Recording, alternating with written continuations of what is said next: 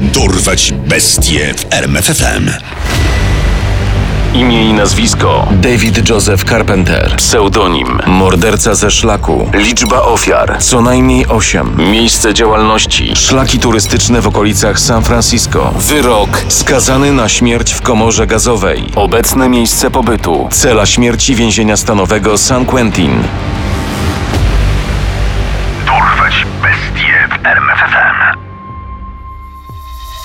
W latach 1979-1981 zostało zamordowanych tyle osób na szlakach turystycznych w San Francisco Bay Area, że w niektórych miejscach władze stanowe umieściły tablicę z napisem Nie wędruj samotnie.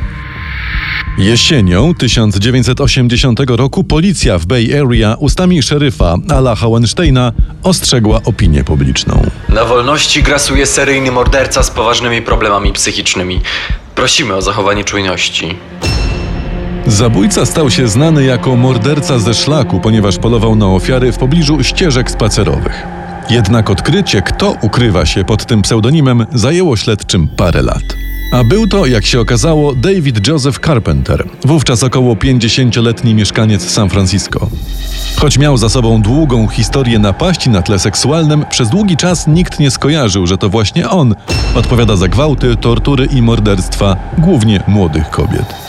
Carpenter urodził się 6 maja 1930 roku w San Francisco.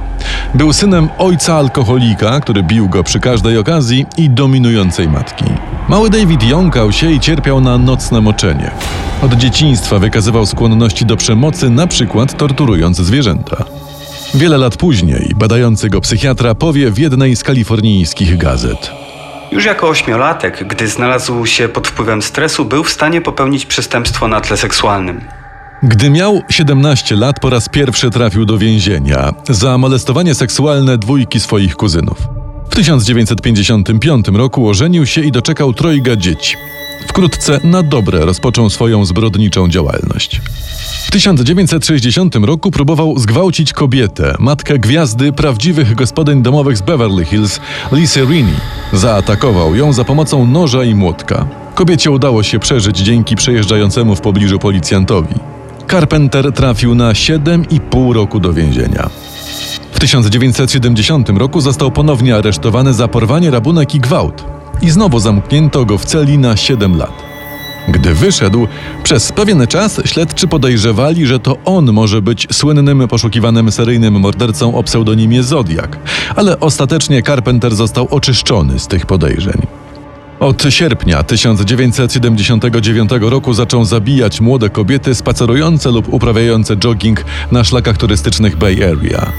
Pewnego dnia przypadkowi przechodnie znaleźli leżące na trawie nagie ciało kobiety. Halo, proszę pani? Pani śpi? Nie wiem, może pijana? Nie. Ona chyba nie żyje. Dwa miesiące później, niemal w tym samym miejscu, odnaleziono ciało zamordowanej Mary Bennett. Kobieta została 25 razy dźgnięta nożem. Nikt ze śledczych nie przypuszczał jednak wtedy, że ma do czynienia z ofiarą seryjnego mordercy. To się wkrótce zmieniło. Od czasu odnalezienia Bennett na szlakach Bay Area znaleziono ciała m.in. 44-letniej Eddie Kane i 26-letniej Ann Alderson. W tych przypadkach sprawca strzelił ofiarom w tył głowy, a ich ciała zostały znalezione w pozycji klęczącej, tak jakby przed śmiercią kobiety błagały o litość. Morderca zabrał im po jednym kolczyku, a na ich plecach położył liść. W marcu 1980 roku w tej samej okolicy została zamordowana 23-letnia Barbara Schwartz, pracownica lokalnej piekarni, która wybrała się na spacer z psem. Świadkiem brutalnego ataku była jedna z turystek, która również wybrała się na przechadzkę w tej okolicy. Kobieta natychmiast powiadomiła policję. Ten mężczyzna, widziałam jak podchodzi do dziewczyny i ją zagaduje, a gdy spojrzałam ponownie, dźgał ją nożem w klatkę piersiową. Turystce udało się niezauważenie uciec z miejsca zdarzenia, ale jej zeznania finalnie okazały się mało precyzyjne i w gruncie rzeczy nieprzydatne. Poszukiwania mordercy i same morderstwa trwały nadal. Rósł także strach okolicznych mieszkańców. Jesienią 1980 roku pojawiły się kolejne ofiary.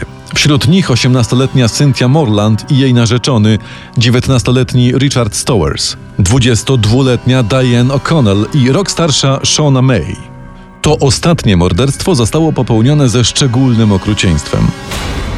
Shona była umówiona z przyjaciółmi na parkingu Pont Reyers Park. Gdy nie pojawiła się w ustalonym miejscu, znajomi wszczeli alarm, skutkiem którego zostały wszczęte policyjne poszukiwania. Niestety, trzy dni później nagie, martwe ciało Shony znaleziono w wykopanym płytkim grobie. Kobieta została zgwałcona, związana drutem i trzykrotnie postrzelona w głowę. Tu coś jeszcze leży. Albo ktoś. Jasny gwint, mamy kolejne ciało. Obok Shony May spoczywały rozkładające się już zwłoki, jak się wkrótce okazało, Diana Connell, która miesiąc wcześniej także zniknęła na terenie parku. Seryjny morderca był tematem numer jeden mediów, nie tylko lokalnych. Prasa krytykowała policję za brak postępów w śledztwie, a setki osób, także ochotników, przeczesywało park w nadziei znalezienia jakiegokolwiek śladu mordercy. W końcu nastąpił tak długo oczekiwany przełom. 29 marca 1981 roku seryjny morderca zaatakował 20-letnią Ellen Hansen i jej chłopaka, 20-letniego Steve'a Hurtla. Zastrzelił Ellen, natomiast Steve cudem ocalał. Kula przeszyła mu szyję i utknęła w mostku. Chłopak stracił przytomność, dzięki czemu morderca był pewien, że nie żyje. Gdy po operacji Hurtle ocknął się w szpitalu, miał dobrą wiadomość dla śledczych. Czy mógłbyś opisać sprawcę? Pamiętasz może jak wyglądał, cokolwiek? Co ciekawe, portret pamięciowy, który pomógł zrobić Steve, różnił się od tego, który do tej pory uważano za wizerunek mordercy. Nowy rysopis został szybko opublikowany. Ukazał się w kalifornijskich gazetach i telewizyjnych wiadomościach.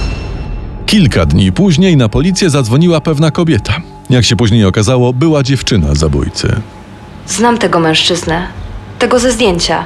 Nazywa się David Carpenter. Podejrzanego rozpoznały także dwie inne osoby, które zdecydowały się powiadomić organy ścigania.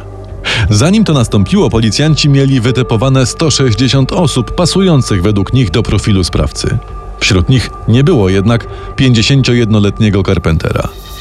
Ten, gdy zorientował się, że pętla się zaciska i śledczy są coraz bliżej aresztowania go, postanowił nieco zmienić wygląd. Nie dał jednak rady powstrzymać się od popełnienia kolejnego ataku. W maju 1981 roku zabił swoją ostatnią ofiarę. Była nią 20-letnia Heather Skaggs. Dziewczyna chciała kupić auto w komisie samochodowym w Santa Cruz. W drodze na przystanek spotkała swojego sąsiada, Davida Carpentera, którego auto zatrzymało się koło niej. Hej, możecie podwieźć? Też jadę w tamtą stronę, więc to żaden problem. Gdy Heather długo nie wracała, jej zaniepokojony chłopak zgłosił na policję zaginięcie. Ponad trzy tygodnie później w parku stanowym Big Basin Redwood znaleziono szczątki Skaggs. Kobieta została zastrzelona z tego samego rewolweru, który odebrał życie Ellen Hansen i ciężko ranił jej partnera. Carpenter został aresztowany 14 maja 1981 roku. Wkrótce też rozpoczął się jego długi i żmudny proces. Został on uznany za winnego morderstwa, usiłowania morderstwa, gwałtu i usiłowania gwałtu w większości ataków przypisywanych mordercy ze szlaku. Mimo licznych zgromadzonych dowodów, w tym także śladów DNA wskazujących na jego winę, Carpenter uparcie zaprzeczał, że to on stoi za tymi zbrodniami. Jeszcze w 2013 roku podczas jednego z wywiadów powiedział: Wszyscy byli przekonani, że to ja jestem mordercą ze szlaku, jeszcze zanim przedstawili jakikolwiek dowód.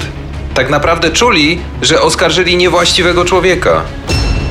Sąd nie uwierzył historiom, które opowiadał David Carpenter, za to dał wiarę twardym dowodom świadczącym o jego winie. 6 lipca 1984 roku został on skazany na śmierć w komorze gazowej. Obecnie Carpenter przebywa w celi śmierci więzienia stanowego San Quentin, gdzie już jako ponad 90-letni osadzony wciąż oczekuje na wykonanie wyroku. I nadal zaprzecza popełnieniu morderstw na szlaku. Mimo, że upłynęło od nich już kilkadziesiąt lat, wśród mieszkańców okolic San Francisco nadal żywa jest pamięć o znakach, które ostrzegały, szczególnie kobiety, by nie wędrować po malowniczych terenach samotnie.